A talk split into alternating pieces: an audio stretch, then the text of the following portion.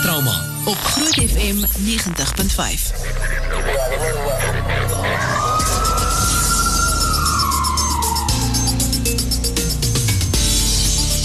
Dit is so lekker om weer 'n bietjie op Woensdag saam te kuier. Um, en die begin van 'n lekker lang naweek. Baie welkom. Dis nou net na 8 en ek is Pieter Kloete en hierdie is groot trauma. En ons gaste vanaand soos gewoonlik, is altyd lekker om my mede-ankers hier te. Dr. Jaco van die kerk van Met 24 en Zander Loupsher van Bestcare wat ons 'n bietjie gesels. Ons gaan oor twee dinge gesels vanaand. Uh, ons gaan sommer afskop met grondverskuivende werk wat gedoen is by Steve Biko Hospitaal die afgelope 2 weke waar professor Chevalaru ehm um, 'n uh, middeloor oorplanting gedoen het en hy sê in die ateljee ons 'n bietjie lekker daaroor gesels en dan bietjie later. Ja, Pieter, goeienaand, goeienaand aan almal wat luister ook. Ehm um, later gaan ons bietjie praat oor hoofbeserings. Ehm um, dis my groot liefde. Um, ek het 'n bietjie navorsing gedoen op kinders en hoofbeserings, so ons gaan 'n bietjie lekker gesels oor dit later vanaand. Ag, hoop sy nederig wees, Jaco. Jy het jou meesters gedoen het. is ek reg? Ja, Ja, jou meesters in in kinderkopbeserings. Dis hy. En uh, ja, dan gaan later gaan uh, Zander Loupsher en Esmeralda Burger 'n uh, bietjie vir ons op Facebook live wys hoe uh, moet 'n mens Nexter te gebruik of moet 'n mens nie Nexter te gebruik nie? Dis die groot vraag vanaand. So bly geskakel 'n lekker propvol program net hierna.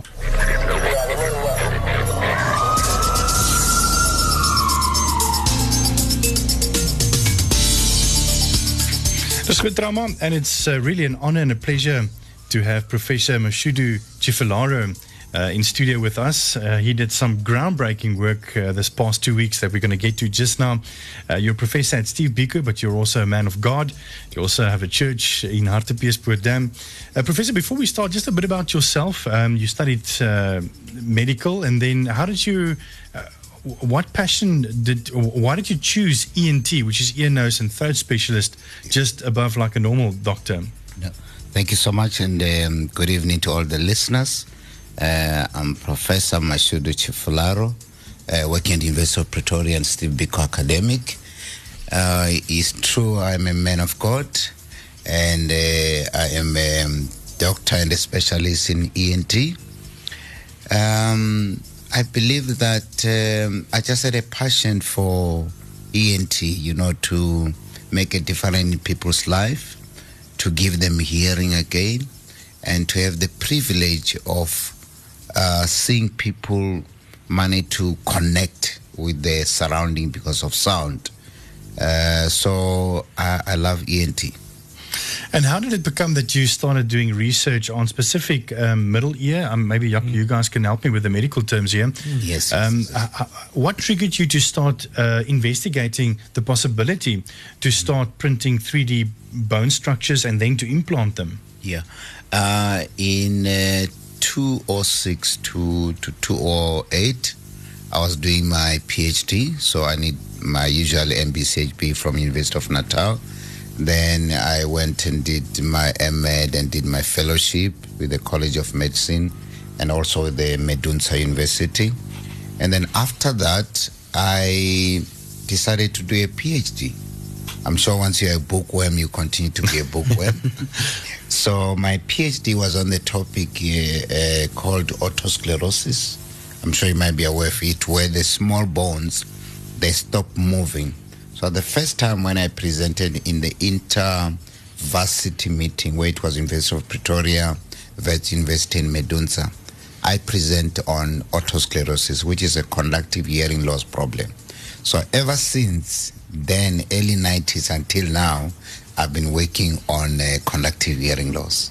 So during my research on conductive hearing loss, because otosclerosis is very rare among uh, black patients, so I was starting to pick some. I did some publication on it. Then I realized that the prostheses we're using to restore hearings were not good enough. So as I finished my thesis, one of the recommendations that I put was we need to come out with a new prosthesis. And um, so when you look in orthopedics, for example, it's talking about trauma. Uh, if you lose your hip or your knee now or ankle or elbow, they don't put screws and plates anymore.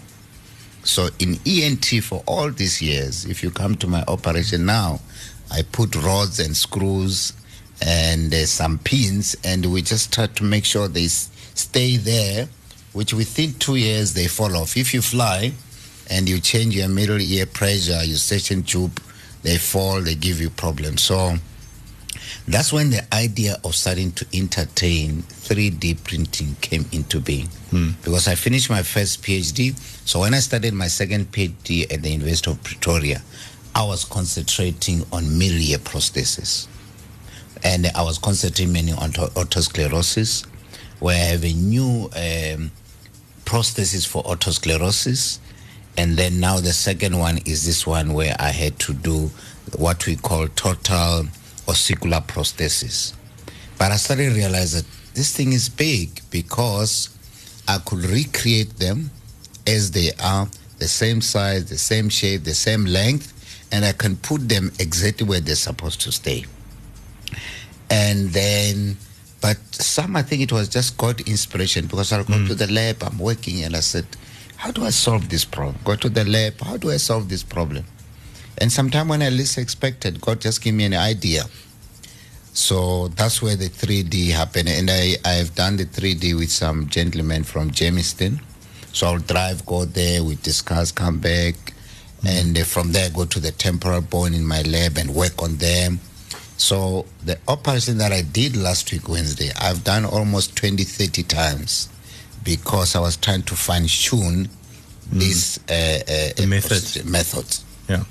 And just a question how do you measure the middle ear bone in a patient uh, to get the exact dimensions, all sides, to give to the 3D guys to print? Very interesting. So if you check all the pictures of the bone anatomical structures, they are 3D in, in format. So, and we know that epidemiologically, all over the world, we know that there's a range of size from this size to this size. Because either it can be small, middle, or bigger. So that's what we end up deciding. So, okay, let's work within these normal ranges between all uh, size, ages, gender, races. It doesn't matter as long as within this range. So that's why I had to work on the temporal bone to adjust it to exact um, size.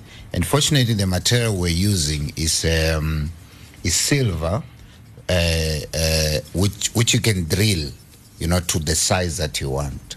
But the other method is to do a CT scan of the temporal bone. So if I do a CT scan of your temporal bone, I'll be able to see the three bone, um, if where they are positioned and which one is damaged. Then I can get the normal size. And once I get that normal size, I can recreate them. Take them to the technician, they look, and then they recreate them, they bring them to you. And then you work with it. How much preparation did go in in planning for this, um, the first human implant? Uh, and were you nervous? No, fortunately, I mean, uh, I mean, I've been a professor for 20 years, and I've been teaching before students, and I've been doing this here operation all the time. And every time when I work with the existing prosthesis, I always realize that there's so many shortfalls. So I was not nervous. And uh, before we did the operation, because the theater was full with cameras, see pictures, I had to ask everyone to say, "Look, I'm a man of cloth. I don't know what you believe in, but let's make a short prayer." So everybody who was there in theater, we made a short prayer. But I did not realize that it's this big. And one of the reasons why we had to get the media, I've been trying to get funding for mm. many years and nobody was funding me. Mm. I've asked all the doors, I've gone to all the funders you may think of, and nobody was coming through. So And, the- and that's funding for a 3D printer for yourself, so you can actually print it yourself. I can go print it and, Yeah. and do clinical trial because after this I needed to do clinical trial. So the ethics, the protocol, hmm. everything is there. It's just that everything you need money to pay. So I said, where do I go? and the patients are there. That is the worst thing now. We have a lot of patients. So then I felt in my spirit that the spirit said, no, just go out, put it in the social media. Maybe a good Samaritan will come hmm. and say, let's do these things. And uh, so many people now they say, "Come, we're coming. We want to help. Want to help."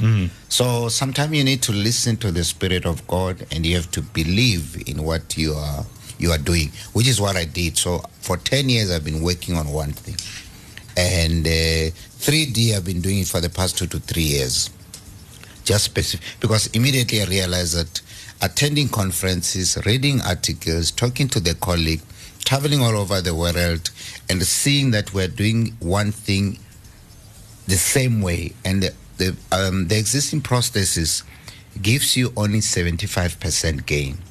So any expert in the world, they will tell you that you get 75% gain of the sound that you have lost.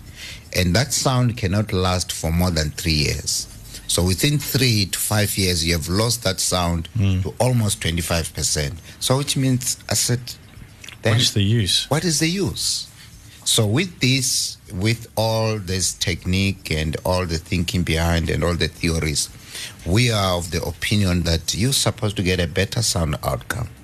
So our aim is that even if we can gain 10%, we'll be sitting at almost um, 80%, I mean 85%, which is good compared to the existing 75%.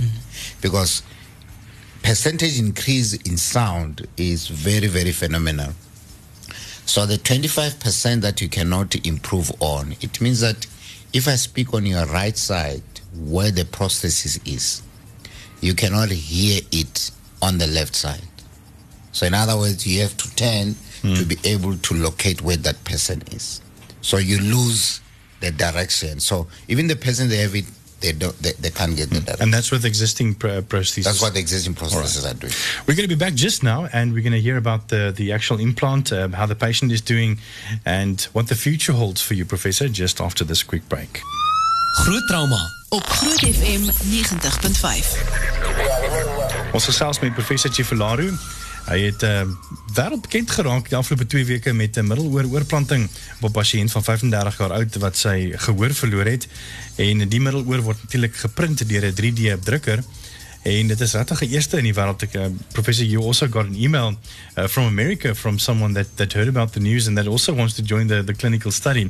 But before we get to that, uh, just about um, the 35 year old patient, how is he doing? Um, what was the process to get him, and also to explain to him that this is groundbreaking work, and also giving consent to do this. Yes. No, the 35 year old is one among the patients who have been waiting for um, uh, this prosthesis. I mean, our waiting list is Steve Biko only. Uh, it's almost uh, uh, 20 to 30 patients at any time. Sure. And we could not do anything for the past five years because we don't have prosthesis. Uh, being important, they are very expensive. So because I was working, so I told him, look, we are working on something. And then so that's why it kept me going to say, I need to have solution for these people. And uh, after implanting it, the following day the patient was happy, the patient could hear, but we are waiting for healing and everything to settle down so that we'll go back and review the, the, the hearing improvement. But we, we are confident that it will be better than hmm. what we have. So it's exciting times. And now you're going to start with the clinical trial, right? Yes, yeah. So, so what we're going to do now is, after we have set this, we're going to have to set another invite for a, a patients who must involve in clinical trial because we have everything. We know the numbers, what we need, and everything. It's just an issue of starting to bring the patient in, get the funding, and then we do the clinical trial. Hmm. But I assume with all the um, the hype in the media about this, because this is really groundbreaking work in South Africa, yes, yes. Uh, you've probably got a couple of people wanting to buy you a 3D printer, right? Hopefully. Of course, yes, yes. There are many people who want to come. And the patients are not only from America, we had some from Australia. Wow. We have some already from France and we have some from almost Nigeria. So everywhere else, everybody say, what is this? So what we are saying, we say, record everybody, give them their, they must give us the hearing uh, audiogram. Then we'll have an idea, is it conductive or sensory? And then we'll take it from there. So everybody want to come. Everybody's prepared to want to help. And uh, so, but everybody is shocked to say, what is this? Mm. So, but but it's advancement in technology in medicine. So I'm humbled that I was the first one to think about it. So, and that was another reason I said, I, if I delay too much, and I start presenting, somebody's going to pinch it. So I must present before somebody start, so that wherever they are, they always refer to University of Yes. Victoria and uh, Steve Biko, and of course my name will always be there. Yeah, I mean, it's groundbreaking work for South Africa. Exactly. You know? Exactly. Yes. It's really yes. great. Yeah. So sky's the limit. We're very excited, and we'll be doing all other things uh, going forward. But I'm going to have a lot of other um, PhD students that I need to put through, and researchers. So we are we are very very very chuffed. Hmm. Um, Uh, mentioned in the break, um, maybe if you want to just ask that again, because uh, not everybody, um, or there's different. Uh, Yeah, there's different kinds of hearing loss, and, and I think it's, it's important for the listeners to know what is the difference between uh, sensory hearing, hearing loss and conductive hearing loss. And then my question after that is um, can you have conductive hearing loss for five or seven years and then still get the implant and then get still get the, the nerve to work? Um, Exactly. Fortunately, the conductive you can implant in any age, whether it's you are born without the bones or they. This guy that we just implanted, he had a trauma, he had an MVA, so he had a head injury and he, he shattered his uh, middle ear bones. So he was a perfect candidate in that the middle ear was not infected; it was clear. You could see where you're supposed to put. So. Um, it doesn't matter as long as the nerve is still functional. We can put on any patient. and what does the future hold, Professor? Uh, the future um, uh, look exciting, and I think w- my wish is to be able to have this rolled out to everybody who need it. People in the state hospital, private.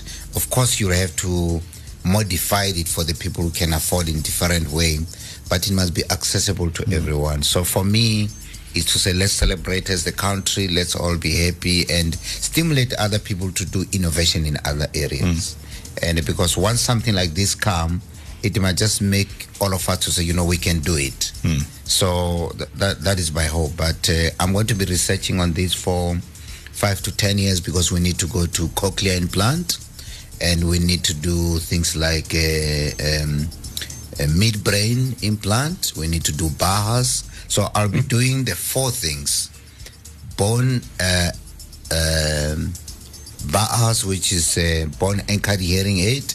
Then we'll have middle ear implant. Then we're going to have a cochlear implant. Then we need to go to brainstem. So anything to do with deafness and hearing loss, University of Pretoria must be up there with the best in the world. Yes. That's what we want to do. And if anybody's listening and feeling inspired, the professor is still need, in need of a 3D printer. so please get in contact with us, and maybe this is your contribution to this groundbreaking work that the professor is doing. Yes. Professor, thank you so much. Alexander, your f- last question?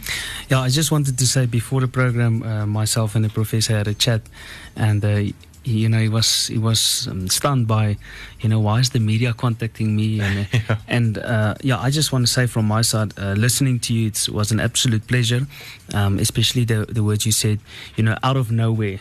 This just arrived, and you trusted God's plan. And from my side, I wish you all the best with your future endeavors. And I've got a quote here, and I think that's why you, you you're shocked because you're doing this. This is your work. This is your passion. You just feel like I'm doing Yes, my work. yes, yes, yes. But for for the third party, for the patients, for for me as another practitioner from pre-hospital perspective, I'm glad to know that I can take a patient with a head injury Yes. and there's hope for him for hearing mm-hmm. again. yes, yes. And the quote says, "It's a beautiful thing when a career and a passion comes together." So oh, Wow. all of the best from Wow, from no, no, our side. thank you It's so much. it's very astonishing. And my motto is that innovate or perish. Innovative Everything perish. that you see, it can be improved. So it's what we call lateral thinking.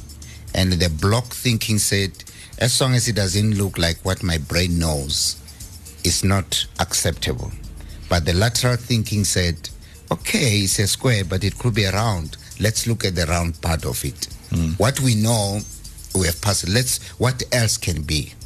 That is the lateral thinking. Innovate or perish, and that is my motto. Well, that's So I amazing. have a lot of other innovation, and this is just the beginning. So watch the space. Watch the space. I like Watch that. space. Thank you so much, Professor. Ons is net hierna weer terug. Groot trauma op Groot FM 90.5. Ek lag net so vir myself wat sê crocodile ears. Maar dis omdat ons heeltyd nou oor ore gepraat het. dat ek nou gesê het crocodile ears, maar dis eintlik crocodile tears. ja, ja. Maar dit is my so lekker om weer 'n bietjie vir Zander terug te hê. Hy was bietjie weg gewees. Hy's ook besig om 'n bietjie verder te swat. Ehm um, as asof hy nie slim genoeg is al reeds nie. uh ons praat 'n bietjie vanaand oor uh hoofbeserings of uh, head trauma. Vandag is 'n uh, internasionale head trauma awareness dag. Jaco, jy het jou PhD gedoen in Nee, nee, nee, nee, nee, daarmee PhD. O, ekskuus, ekskuus. Dis die prof wat PhD's inreik. Uh, so jy het 'n meestersgraad gedoen uh, in kinderhoofbeserings. Ja. Um, wat was een, die dinge wat vir jou uitgestaan het as dit kom by by veral hoofbeserings en kinderhoofbeserings en trauma? Weet jy Pieter, Sander hou so baie van uh, van quotes en ek het my dissertasie wat ek geskryf het begin met Hippokrates het het het 'n 'n quote wat sê nou het injuries too trivial uh, to be ignored. En ek dink ehm um, dis waar alles begin het. Ehm um, ons werk in in ongevalle is en ek wil amper sê een van die algemeenste redes hoekom kinders onder 5 ongevalle toe kom is dit nie kursus nie, maar trauma geassosieerd is met hoofbeserings. Sure.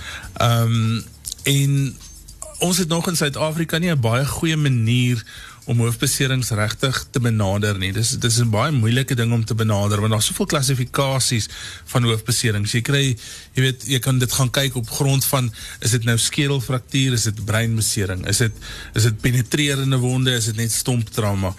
Maar jy weet almal almal het soveel debat oor oor dit en dis eintlik so maklik. Ons sê dat traumatiese breinbesering of konkussie is eintlik 'n ver, veranderinge of 'n disfunksie in die breinfunksie wat dan wat dan permanent kan wees of wat tydelik kan wees. So enige iets wat jou kop kan beseer wat die funksie van jou brein beïnvloed is 'n traumatiese breinbesering. As 'n mens gaan kyk in ons land, um, en dis dis eintlik half hartseer is en en dis wat my my studie ook het, is 90% van kinders wat ons sien se breinscans as ons breinscans doen is normaal. 90 90% is normaal. So ons oorscan die kinders.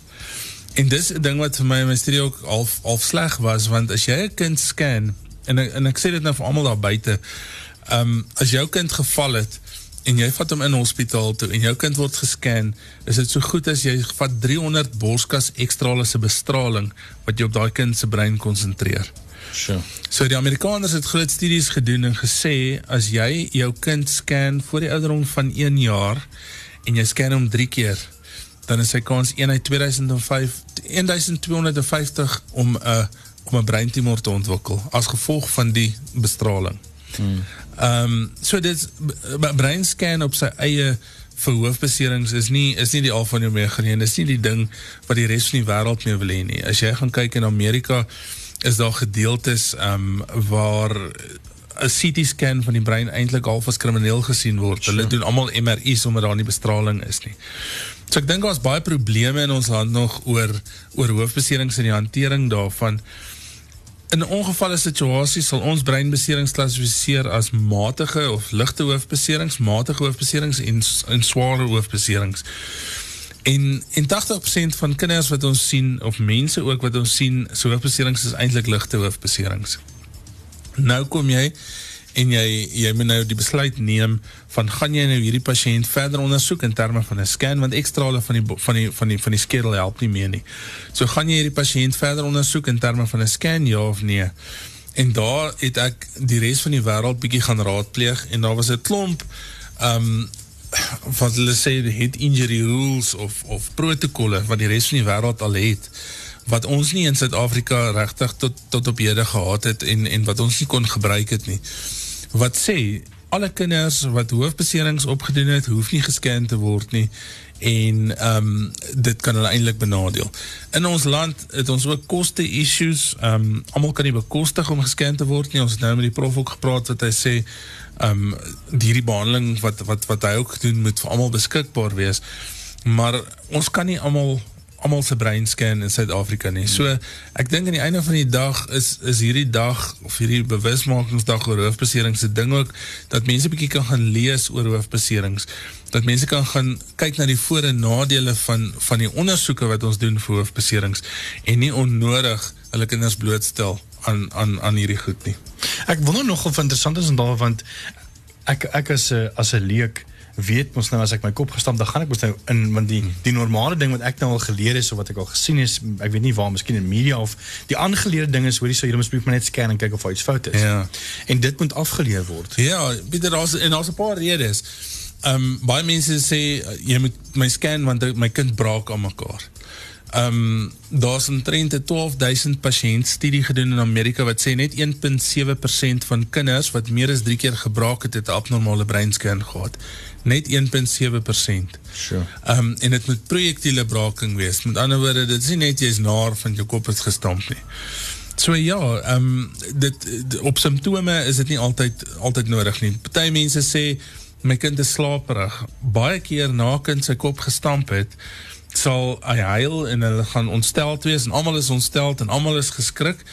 So, wat maak een kind na hy gehuil het? As jy hom pak gegeet, hy gaan leen, hy gaan slaap een bykie. Mm. En dis normaal. Dan is daar, en, en dis vir my eindelijk, uh, ek smaal altyd as mense sê, ek het hom wakker gehou tot hier. want dan is ek baie bly, want dan beteken het, hy is waarschijnlijk alright. Want as jy rechtig iemand kan wakker hou wat een hoofdbesering het, dan sal niemand ooit doodgegaan het van hoofdbesering sien, nee. Mm. So as jy hoofdbesering het wat wat regtig ernstig genoeg is dat jy so breindisfunksie het, gaan niemand daai persoon kan wakker hou nie.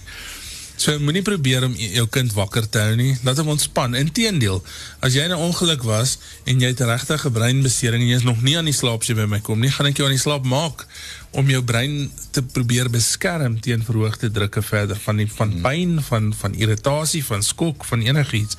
So moenie moenie jou kind probeer wakker hou nie.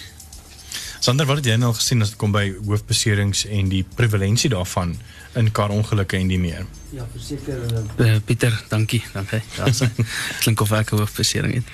Naand julle is my voorreg om weer terug te wees. Uh, Pieter, verseker, ehm um, dis dis goed om die een kant definitief die ek wil sê amper die oordryfkant um, te identifiseer en dit gebeur met enigiemand weet uh, ek praat oor myself ook weet ek was in Bloemfontein met studies en toe my seun van die bank af geval en weet mamma stuur nou oor WhatsApp 'n foto van van hierdie groot eier op die kop en ek wil net deurkom en al mens as by jou kinders kom is dit nog maar mens skrik maar weet hmm. maar is goed om hierdie hierdie statistieke in ag te neem en en en um, weet die feite van van hoe ons hoofbeserings moet benader hmm. aan die ander kant um, is almal nie so gelukkig om weet so lig van 'n hoofbesering af te loop nie. Um ek het hierdie naweek 'n gehad wat aangerand was. Um weet in in Pretoria Noord weet bietjie gemeenskapswerk wat hulle eintlik maar skrik gevang het en toe eindige op dat hy hoofversering gehad het. Dit sure. met 'n selfoon gevat. So ja, ehm um, en dit was skat nie mooi geweest nie. Weet hoofverserings is nooit lekker nie. Weet die klassieke projectile vomiting soos ons soos ons ken in Engels het plaasgevind agter die ambulans. So dis skoonmaak stories. Dit is hoofverserings is nie lekker nie want jy kan met jou pasiënt kommunikeer nie. Ehm um, weet so hy's glad nie op dieselfde vlak as jy nie en ek sien dit so baie keer dat dat dat mense soos eerste hulp mense wat nou voor ons aankom, weet raak hulle uh, hoe kan ek sê ongeduldig met die pasiënt want weet hy verstaan nie en hy wil nie hy weet hy gaan maar soos 'n weet maar soos 'n dronk mens uh, weet hmm. kom hy voor. En dis een van die ander stryk uh, valle wat mense ingaan dit is uh, hy kom dronk voor. Nou is in 'n kar ongeluk gewees nou dink hierdie persoon hoor hierdie ou is dronk maar meantime sit eintlik met 'n hoofbesering.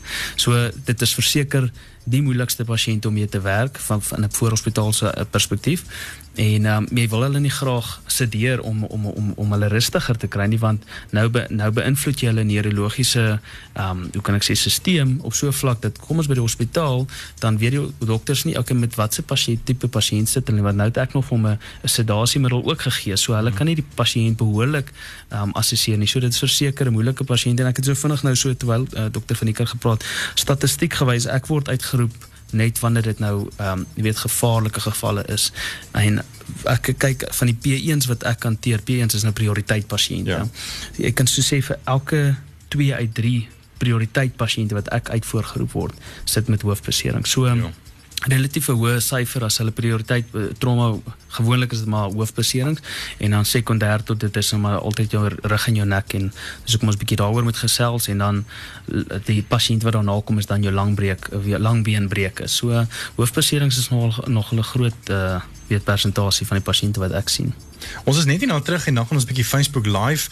Uh weer 'n bietjie om was dit lanklaas ge Facebook live, so ek's nogal opgewonde en dan gaan julle vir ons wys hoe werk ek, gaan maar die term gebruik C-spine uh of jou nek te stabiliseer ook vir jou by die huis. Wil weet wat om te doen in so 'n situasie en uh miskien ook simptome as om te om te wees waarna om uit te kyk vir brein goeie Jakole. Ja. So ja, bly geskakel daarvoor is net hier na. Lekker.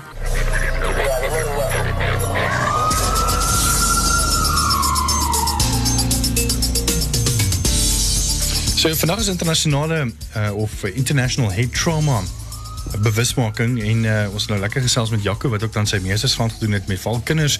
En hoekom dit belangrik is om nie altyd net um, in te roep weet wolf wolf nie. En ek bedoel nou moenie net inroep as jy by die hospitaal kom moenie ons moet nou 'n scan, ons moet nou 'n scan. Ek weet los dit maar in die dokter se hande. Uh, hulle weet beter en baie keer is 'n scan nie beter nie, veral nie met kinders nie. Dit het ons dit het ons gehoor. So ons gaan nou binnekort 'n bietjie Facebook live ehm um, en wat ons vir jou gaan wys is die volgende. Sander. Daar sê Pieter, uh, van my kant af wil ons net die voorhospitaalse benadering rondom hoofbeserings um illustreer. En die groot ding gaan hier ook oor is enige enige hoofbesering is gewoonlik gepaard met 'n met 'n spinale besering of ons ons verwag die ergste. En uh dokter van die kerk kan ons 'n bietjie die tekens en simptome deurgooi van hoofbeserings, maar wat ek hier wil illustreer is ehm um, daar's daar's verandering in protokol vir ons as voorhospitaal so omgewing ehm um, weet of noodwerkers of paramedisy. En die nuutste is dat wel ek sê die nuutste maar dit kom nou al eintlik jare. Ehm um, maar die nuutste is dat die publiek wil altyd weet maar hoekom sit jy nie vir die pasiënte Nextet op nie? Hy dan 'n nekbesering of hmm. ehm um, weet of hy 'n hoofbesering en uh, ons verwag mos nou dat daar spinale koordbesering sal wees. En uh, studies het bewys dat Nextet 'n kan eintlik meer skade doen as wat dit eintlik goed doen.